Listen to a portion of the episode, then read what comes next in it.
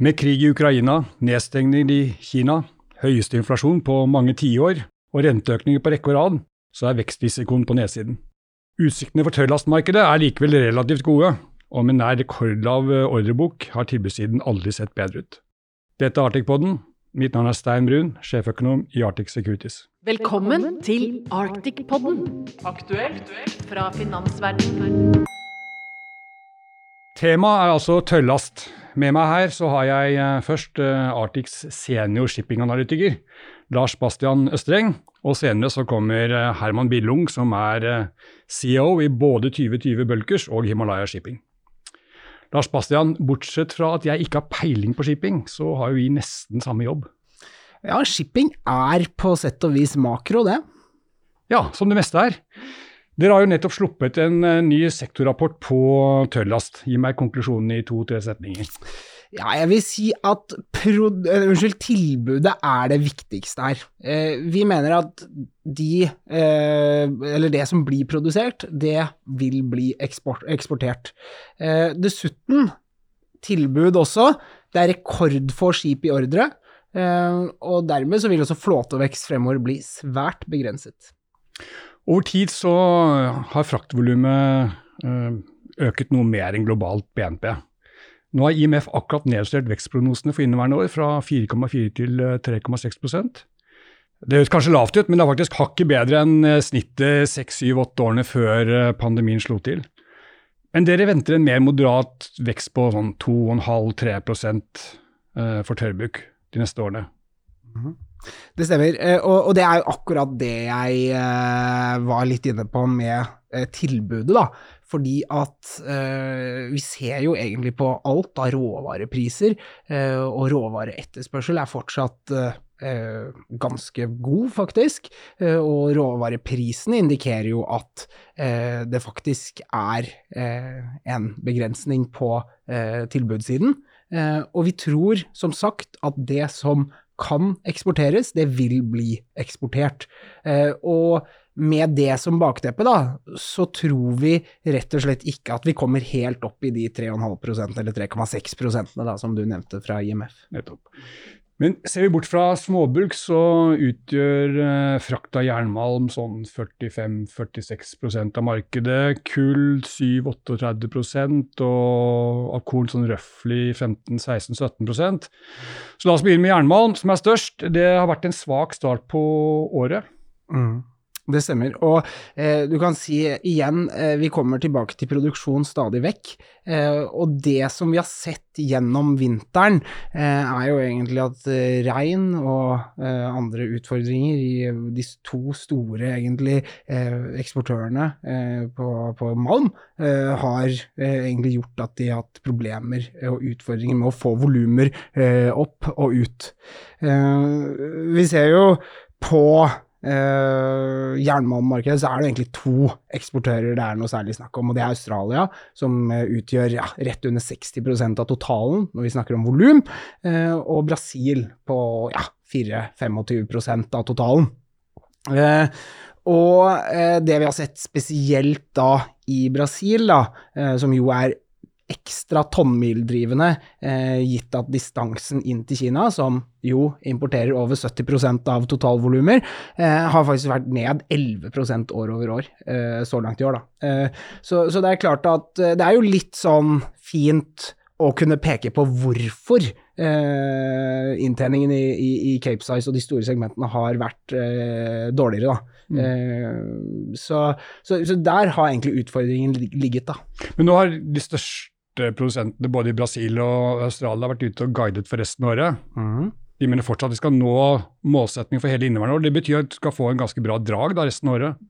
Ja, ser man på Brasil, og, og jeg nevnte jo eh, at uh, gitt at distansen til Kina da, er såpass mye lenger fra Brasil eh, enn fra Australia, så er det ekstremt tonnmildrivende. Um, og Eh, hvis du ser da på resten av året, hvis Vale, da, som er den desidert største produsenten i eh, Brasil, skulle nå den nederste delen av eh, guidingen sin, da, eh, så, så, skal faktisk volumene opp eh, i hvert fall 5 eh, i de tre siste kvartalene av året. Og det eh, vil definitivt ha en påvirkning på, på Cape Size-markedet. Hva har Rio Tinto sagt? Nei, de også hadde et utfordrende, utfordrende første kvartal, eh, eh, men eh, i likhet med Vale, morsomt nok, har de akkurat samme guiding range. De har 320 til 335 millioner tonn i produksjon, og de opprettholdt også. Mm. Men så har vi etterspørselssiden, da. Det er jo Kina, som du sa. Største mm. avtaker. Står for over 70% av importen av mm. jernmalm. Mm. Der er det jo nå lockdowns både her og der. Ja. Uh, folk snakker jo om at uh, provinser og byer som utgjør ja, noen anslag på 25% andre anslag på 40 av BNP, at de har en helt eller delvis lockdown. Så det er Spørsmålet er hvordan etterspørselssituasjonen er for Kina, da. Mm.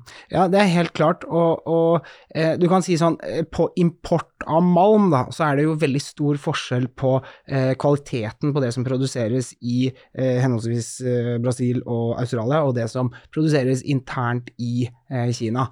så sånn at det er flere grunner, og spesielt nå som kullprisene er såpass høye, så har produsentene og stålmøllene da i Kina sterke insentiver til å bruke importert malm istedenfor. Mm. Og og, og, du er jo åpenbart da makroøkonomen her, så, så, Kina har jo du også litt eh, peiling på da, Stein? Jeg håper det, men der har du jo sett altså, et veldig fall i boligbyggingen over de siste åra. Gangsettingen av uh, bolig målt i volum er vel ned en sånn 25 year on year. Uh, men samtidig så er det også da en kraftig rebound, gjeninnhenting, i um, infrastrukturinvesteringer. Det er jo litt interessant, for det er jo mye stål som inngår. Ja. Det var jo knapt vekst der i fjor, og nå var det vel opp en ja, var det 12% sånt, i første kvartal eh, i forhold til første kvartal i fjor. Mm. Så den etterspørselssiden ser jo ganske bra ut, da. Og så er det jo snakk om at det kan komme flere med stimulanser i Kina, fordi de når jo ikke målet sitt om en vekst med om lag 5,5% i år. Det blir jo kanskje tre kvart prosent lavere eller en helt prosent lavere enn det. Mm. Så der, der, venter jeg jo flere stimulanser nå ganske på ganske kort sikt. og En av de enkleste tingene å gjøre er nettopp å sette i gang flere infrastrukturprosjekter. så Det burde jo være bra for etterspørselen til Kina. Ja, det enkleste å gjøre noe med er vel ofte ting som er eh, veldig stålintensive, da. Ja. Eh, Men samtidig har jo Kina et mål om å redusere stålproduksjonen i år, da. Det har de. Der har de vel vist seg å være pragmatiske tidligere, og særlig når det er snakk om å forsvare vekst. da. Ja, for de har jo et mål om å redusere produksjonen for å redusere utslippene. Det er et mm. miljøhensyn som gjør den. Og Der har de jo utsatt da målet om å nå peaken på utslippene fra 2025 til 2030. Riktig. Eh, og Det viser, har vist seg sånn som i fjor, da de hadde problemer med elektrisitetsproduksjon, at de var relativt eh, skal si, fleksible i å, i å bruke alternativer for å, for å, å komme i mål. Mm. Så, så, de er pragmatiske på kort sikt, ja. Men, men også på jernmalm så har vi jo et spørsmål mellom Russland og Ukraina. Ja, definitivt. Og, og, du kan si at uh, begge har store jernmalmforekomster, men begge er også veldig store ståleksportører, da. Så uh, i en verden hvor uh, på en måte ukrainsk, spesielt da kanskje, produksjon av stål blir skadet, og dermed evnen til å eksportere, så, så, vil det kunne etterlate seg et hull hos, for, for, for, for andre produsenter å fylle, eh, som igjen kan intensivere egentlig mer eh, import av jernmalm da, til de landene som eventuelt da skal tette det gapet. Mm. Mm. Vi skal bare avslutte på, på jernmalm, så venter det vel en vekst med sånn 3,5-3,6% i snitt for i år og neste mm. år og 2024. Mm. Eh, med da en eh, bedre utvikling fra Australia i år, så kommer Brasil mer neste år. Stemmer? Ja, det stemmer, og det vil jo da også egentlig føre til at eh, den boosten i eh, tonnmil som man jo da vil kunne forvente av at eh, det er Brasil som leder an neste år, den kommer da først neste år pga. lengre distanser. Skjønner. Mm.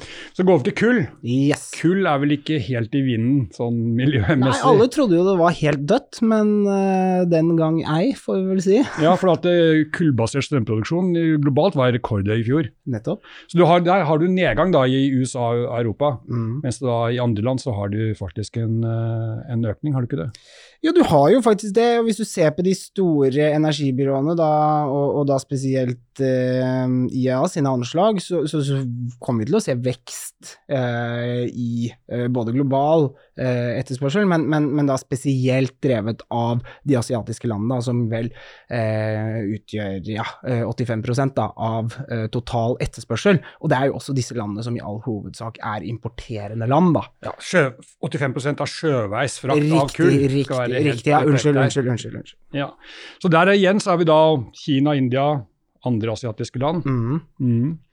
Så der tror du på at det nå blir en vekst da i, i kulletterspørselen? Ja, etterspørselen, ja. Men eh, mer usikre kanskje på vekst i eh, det som skal fraktes på skip. Ja. Eh, fordi igjen, vi har jo utfordringer med produksjon. Uh, og vi har jo igjen, når vi ser på uh, priser, kullpriser, uh, og putter det inn i, kall det globale energikomplekset, da, så, så, er det jo ganske åpenbart at det er jo ikke for mye kull heller. Eh, ja, noen miljøvernere vil jo si at det er for mye kull, da. Noen vil argumentere for det, men, men den dagen iPhonen ikke fungerer, så er det ikke sikkert at uh, de uh, argumenterer for det lenger. Men, men, uh, men, sånn strukturelt så er selvfølgelig kull fallende. Mm. Men over de neste par årene i hvert fall, så tror vi at etterspørselen etter kull vil være der. og igjen, det som kan eksporteres, det vil bli eksportert. Ja, og Her snakker vi kanskje om Indonesia, som er største produsenten? Ja, Indonesia har jo vist seg eh, gjennom et forbud mot eksport, eh, midlertidig riktignok i januar, eh, vist seg kanskje ikke være så selvsikre på egen eh, evne til å forsyne seg selv eh, med det de trenger. Eh, og de også har jo for så vidt en utbygning da, av mm. kullkraftverk, som vil kunne føre til at de trenger enda mer selv. Um, så, og igjen kommer jo Russland inn i bildet her, ikke sant. Mm. De eh, eksporterer noe sånt som 50 millioner eh, tonn i året. Ja, De er den tredje største prosenten. Ja, eh, eh, men, men, på, men, men, på, havet da ca. 50 millioner tonn. Mm. Eh, og, og, det blir jo igjen eh, et spørsmål om å erstatte det. mye av den russiske kulen har typisk gått til Europa, da. Uh, og det vi uh, har sett nå, er jo at EU har uh, lagt ned et forbud mot import av russisk kull. men russisk kull er av meget høy kvalitet. så det at en verden i hva skal vi si, energimangel, potensiell energimangel, og neste vinter, hvem vet hvordan det ser ut da, ikke mm. sant, skal bare si at ok, vi tar ikke russisk kull. Det tror vi kanskje ikke på. India vist seg meget pragmatiske når det kommer til russisk olje, i hvert fall.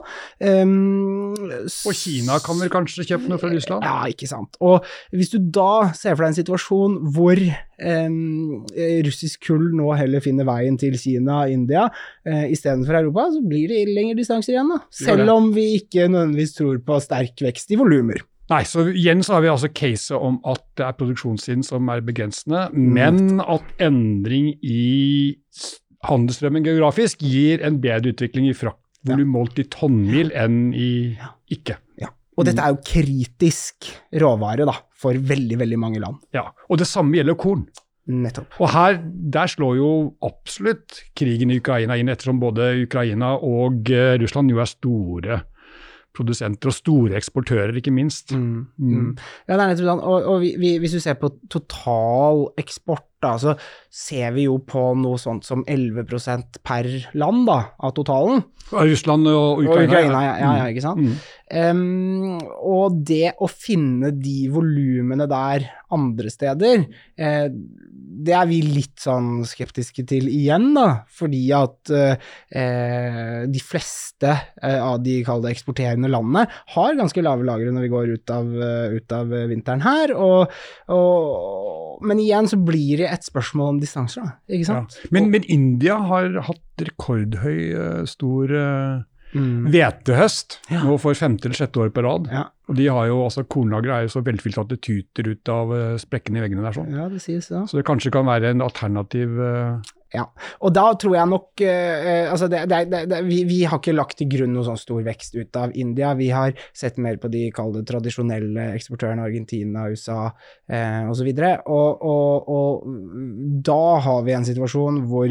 ok, vi ser kanskje et volumfall på 2-3% og så, uh, men igjen tonnmil etterspørselsvekst da, mm. på 1-2% Men hva har du lagt inn av forutsetninger på, på Russland og Ukraina da? Uh, på Ukraina så har vi egentlig sagt at hele sesongen neste sesong er uh, borte. Altså både i år og neste år? Ja, egentlig. Mm. Men uh, kul, nei, unnskyld, eh, kornsesongen er jo delt midt på året, så det er jul, ja. juli til juni. Ja. Så, så, det er jo åpenbart at uh, allerede i år så har jo Ukraina eksportert en del korn, da. Mm. Russland har sagt at de ikke skal eksportere korn frem til minst slutten av august, mm. så der har vi vært eh, mer moderate i, i kuttene, da.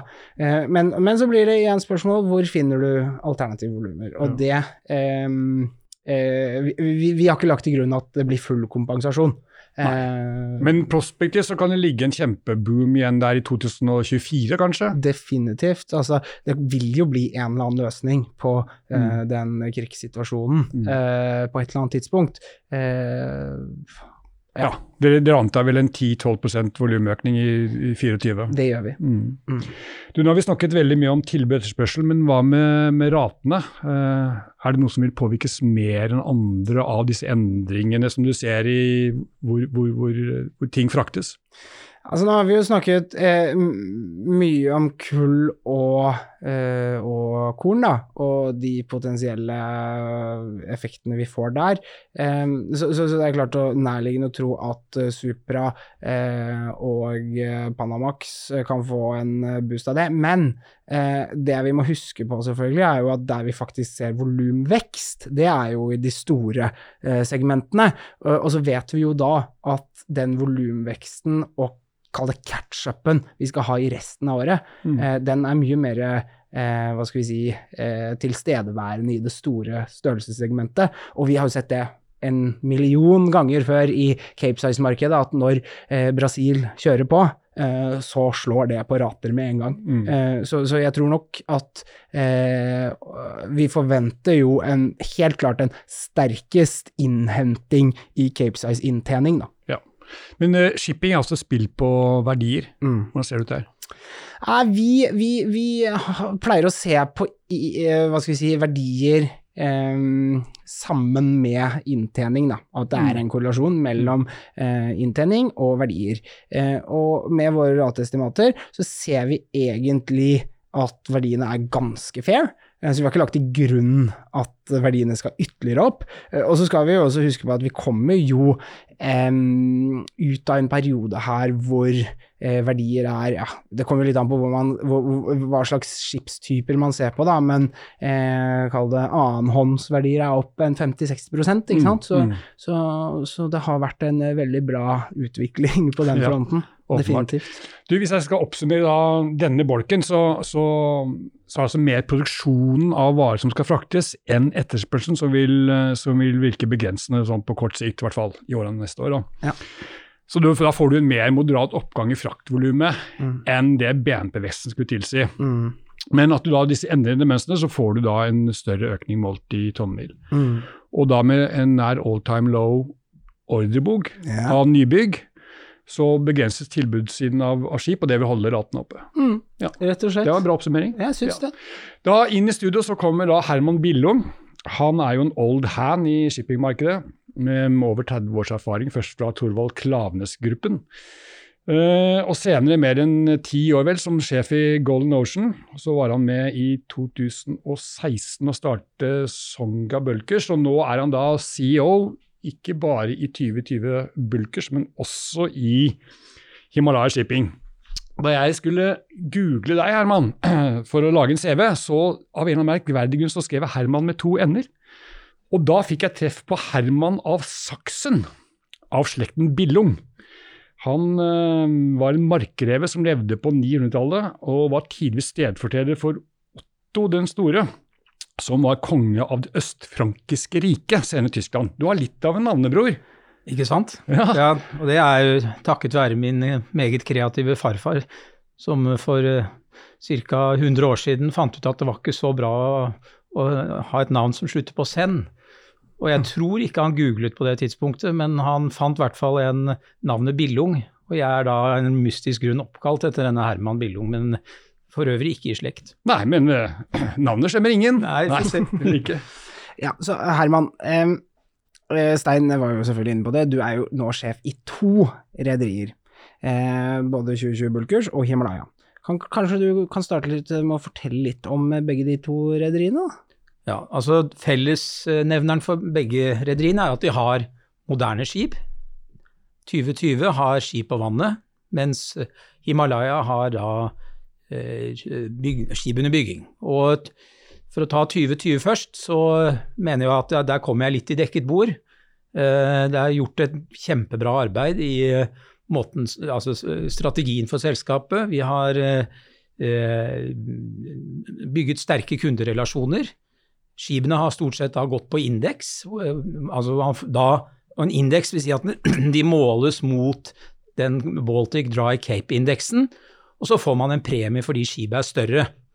Uh, og de, den premien er i snitt kanskje 35% over Cape til enhver tid. 2020 har også da skrøbbere som gjør at de da kan brenne high sulfur fuel oil. Uh, med, og, og, det var jo en non-event, men i øyeblikket så er jo det en bra spredd mellom high sulfur og low sulfur. Uh, I snitt kanskje 170-80 dollar, litt avhengig av hvor du bunkrer.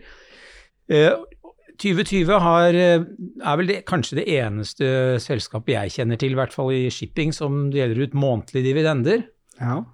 Uh, og jeg tror at uh, Jeg tar ikke mye feil om at vi nå uh, har betalt tilbake 60% av egenkapitalen i dividender på et relativt nyetablert shippingselskap. Så det er aksjonærvennlig og en og en veldig enkel eh, struktur. Og i kjent uh, Trøymon så er vi jo ikke bygget med masse fett. Vi er Nei. få. Uh, vi er få ansatte. Og en veldig enkel forretningsmodell. og når det gjelder Himalaya, så, så, ser jeg ikke noe grunn til å change a winning team. ikke nå tenker jeg på mannskapene, men litt strategien. vi kommer nok til å finne en modell med kjøre skipene på indeks, mest sannsynlig hvis ikke markedet er veldig veldig høyt og vi da ønsker å ta noe lengre dekning. Men det som har vært eh, det fine f.eks. da med 2020, og med de, den kunderelasjonen vi har, særlig med én kunde, så har vi til enhver tid kunnet konvertere eh, den flytende raten med en fast rate, som da er knyttet opp mot det syntetiske fraktmarkedet som heter FFA. Så vi f.eks. da låst inn for resten av året, tror jeg, rundt på 30 000 dollar når man har tatt inn den eh, premien på to av skipene. Som gjør at da cash break-even på resten av flåten blir jo veldig lav. Mm. Uh, Himalaya er veldig spennende, fordi at er da, dette er da dual fuel. Skipene kan da både gå på very low sulfur, for de har ikke skrubbere. Så de kan, kan, velge mellom å gå på very low sulfur eller LNG. Uh, og uh, det har jo et, selvfølgelig et, et, miljøaspekt som ikke er ubetydelig. Eh, og så de vil jo da i snitt ha 40% lavere utslipp av CO2. I tillegg er skipene bygget i såkalt Tier 3-standard. Veldig få som egentlig har det, og de, det vil si at de ikke heller har noen NOx-utslipp. Og når de går på LNG, så er det jo ei heller SOx. Så det er jo et, et veldig bra miljøstempel. Eh, jeg tror jo, det er jeg ganske overbevist om, og vi merker det, det er interesse der ute blant uh, sluttbrukere for, å, mm. og, for, disse skipene. Mm. Og jeg tror at når vi ser at, at, at dette med et grønt stempel flytter seg fra styrerommene og ned til de som driver trading og befraktning, mm. Eh, så tror jeg at, at, appetitten og interessen for å, å ha miljøvennlig skip vil bare øke. Så har jo da prisene på LNG den siste tiden vært skyhøye av naturlige årsaker. Men akkurat i dag, og det var hyggelig å komme her den dagen, så, så, så ser vi da at for første gang når man hensyntar høyere brennverdi, så akkurat i dag så var prisen på LNG eh, eh, omtrent par med VLSFO.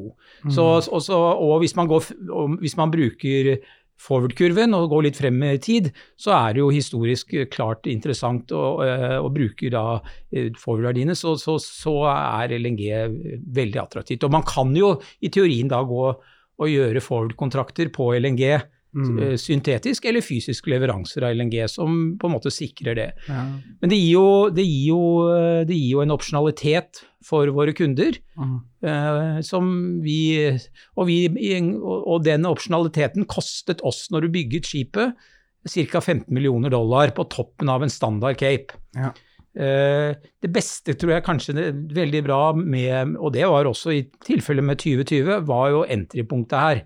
At vi kontraherte på et veldig bra tidspunkt. For dere kontraherte i snitt på rett over 69 millioner dollar Ja, per skute? Og det er all in, og det er en veldig høy spekk på disse skipene. Ja. Eh, Så Olav Eikrem, som er den tekniske direktøren, han eh, har virkelig fått frem en superbra spekk på disse. Eh, Så i tillegg til at de har da Tier 3, så har de også, også akselgenerator, Ja. som gjør at vi ikke behøver å bruke hjelpemotorer i sjøen, som gjør at vi sparer, i mot, motsetning til en vanlig Newcastle-laks, ca. fire tonn bunkers i døgnet i tillegg. Så det, er, eh, så det er en høy spekk, og i dag vil jeg si at eh, jeg så dere hadde jo faktisk i dag en tok dekning på Himalaya, Ja, og jeg så det, og de, de, de verdivurderingene dere anslår der, det, det står jeg helt inne for. Ca. 83 per skip jeg tipper er riktig verdi. Og Og det er bare et år siden de ble kontrahert, eller et års tid, får ja, vi vel si. drøyt, ja. Ja. Så eh, grave litt mer inn på dette her. Eh, Fellesnevneren for både 2020 og Himalaya er jo egentlig store, moderne skip. Hvorfor er det så viktig å ha moderne og også store skip? Altså, eh, moderne, det, det som eh, For å si det sånn, at det ble jo Og vi skal ikke veldig lang tid tilbake i tid før skipene hadde et mye høyere forbruk. Eh, Det er jo én ting, ikke sant. Og når vi nå kommer inn i et nytt regime som begynner 1.1.2023, eh, hvor vi da både får en såkalt EXI, og vi får da denne karbonintensitetsindikatoren, CII, så vil eh, dette med forbruk bety mer og mer og mer. Og en caper som er bygget så, så, eh, si, så sent som i 2013-2014, eh, vil nok standard brenne kanskje 10-15 tonn mer enn et helt moderne skip, som ikke er ubetydelig når bunkersen koster 800 dollar. Mm.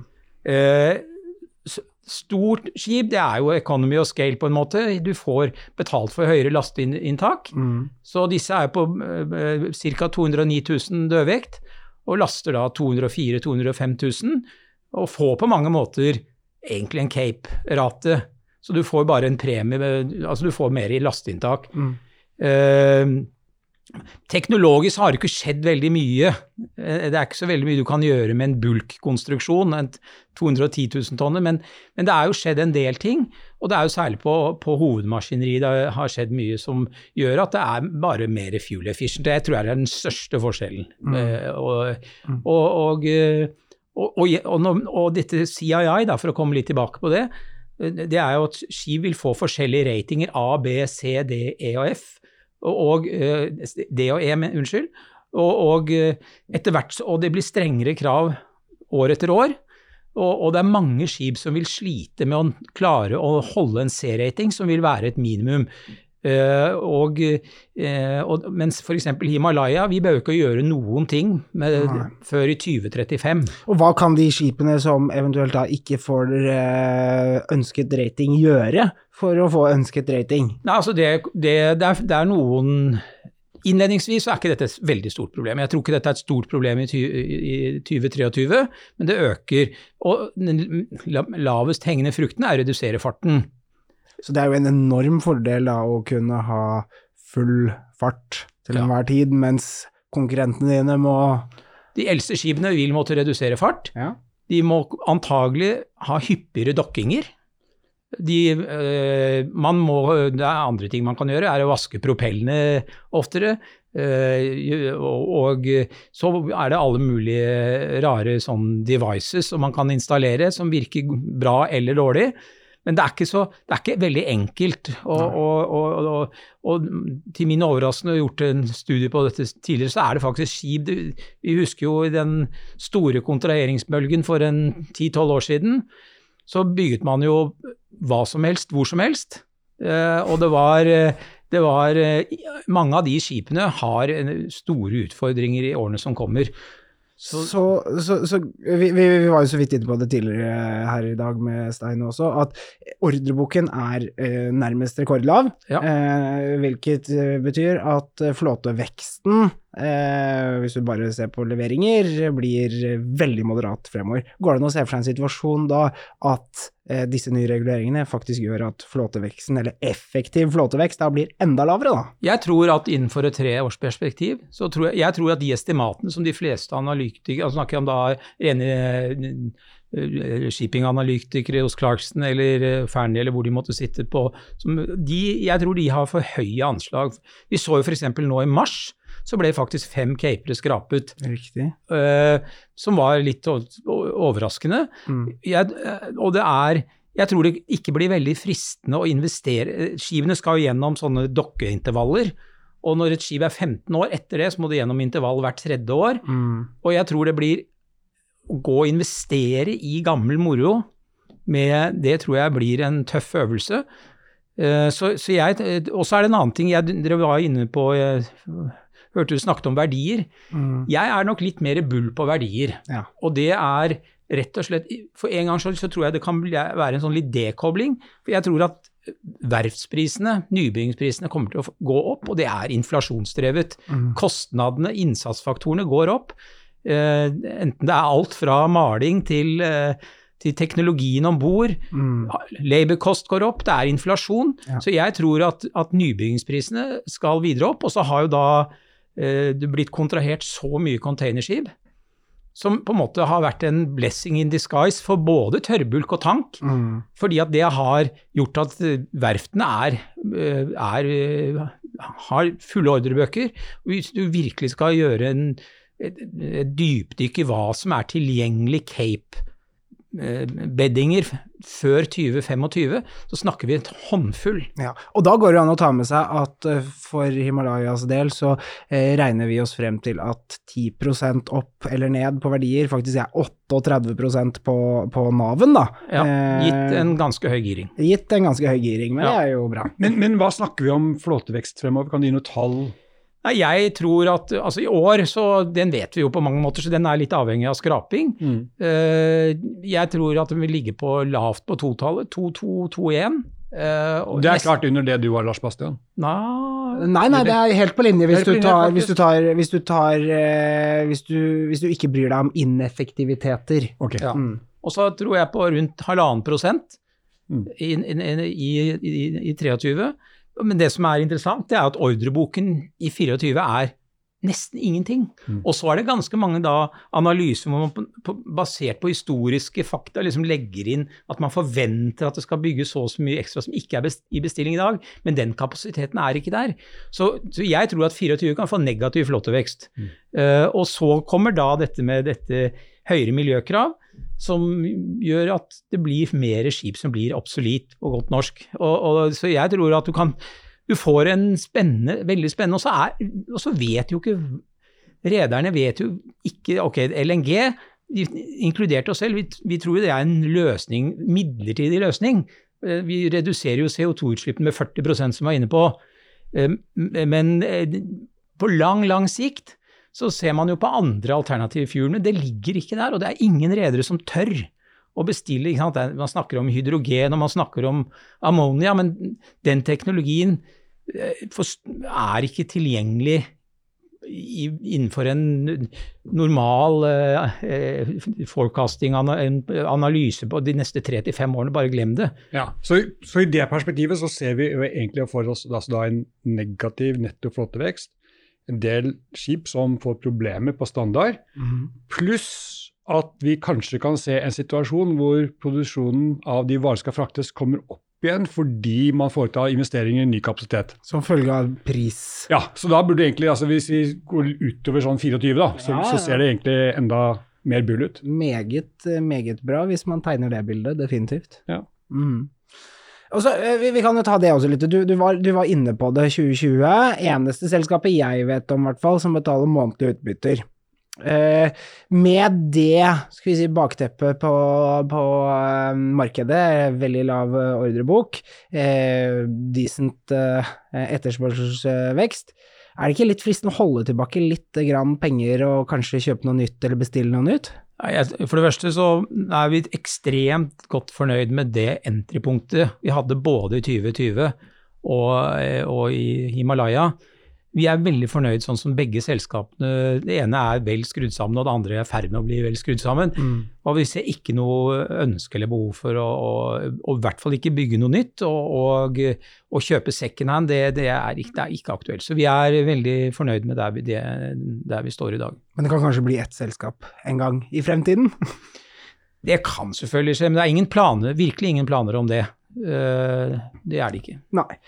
Ok, så Herman, du har jo vært i gamet en stund, det ble påpekt tidligere her.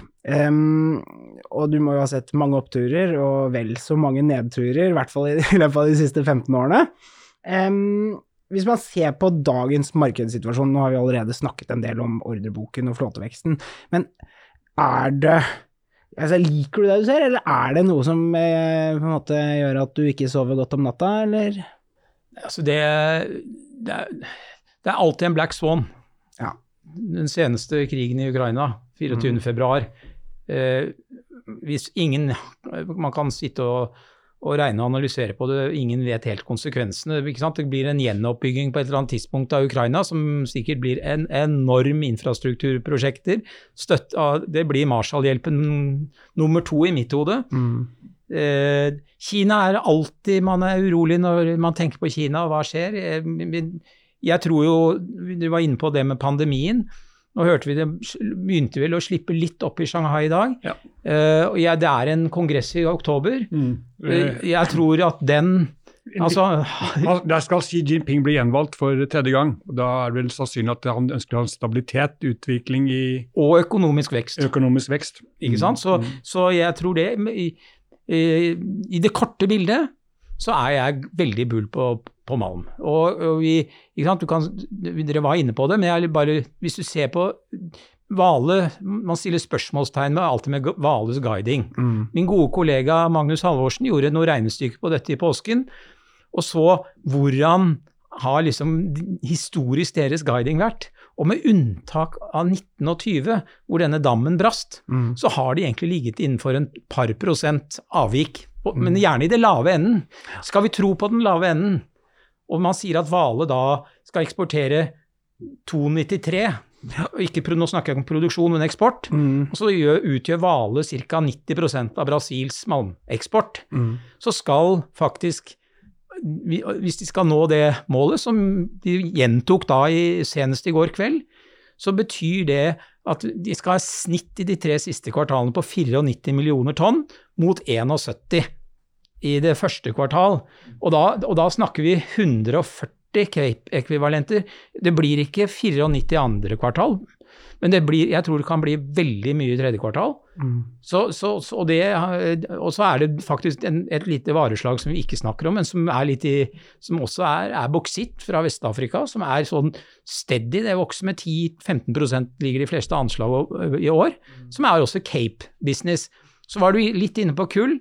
Og det vi ser, da, det er jo at det er litt nye ikke sant? Når vi snakker om elektrifisering av, av plattformene, så ser vi samtidig at det går køl fra Indonesia og Australia inn til Europa. Eh, som virker litt sånn pussig i et helhetlig europeisk eh, sammenheng.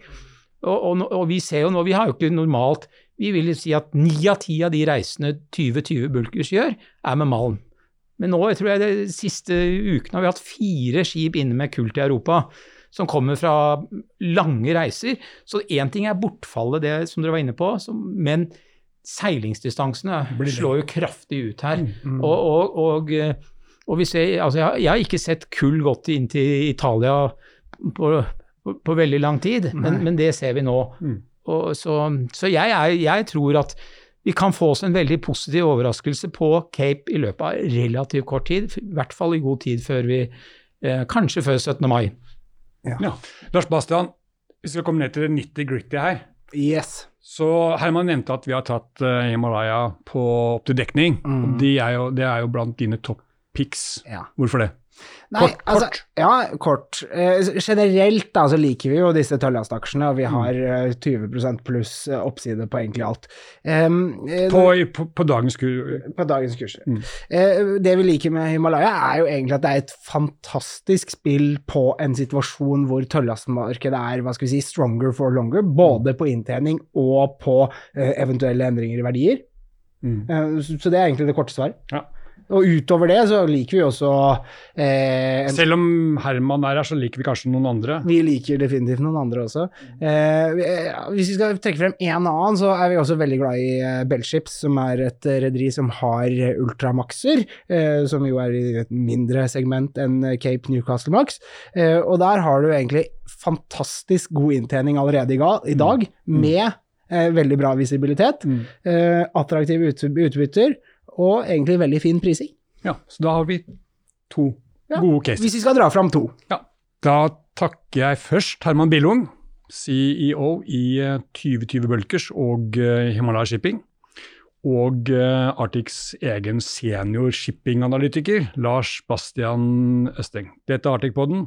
Mitt navn er Stein Brun, sjeføkonom i Arctic Securities. This podcast has been prepared by Arctic for information purposes only. The information, opinions, and recommendations presented in this podcast are for general information only, and any reliance on the information provided in this podcast is done at your own risk. This podcast should not be considered professional advice. The information provided in this podcast is not intended to constitute investment advice, nor is the information intended as an offer or solicitation for the purchase or sale of any financial instrument. Relevant and specific professional advice should always be obtained before making any investment or credit decision. It is important to note that past performance is not indicative of future results. This podcast does not fulfill the criteria for preparing investment research and must be seen as marketing material. All information submitted during this podcast is obtained from public sources that Arctic believes to be reliable, but which Arctic has not independently verified. Arctic makes no guarantee, representation, or warranty as to its accuracy or completeness. No liability whatsoever is accepted for any direct or indirect, including consequential loss or expense arising from the use of information from this podcast.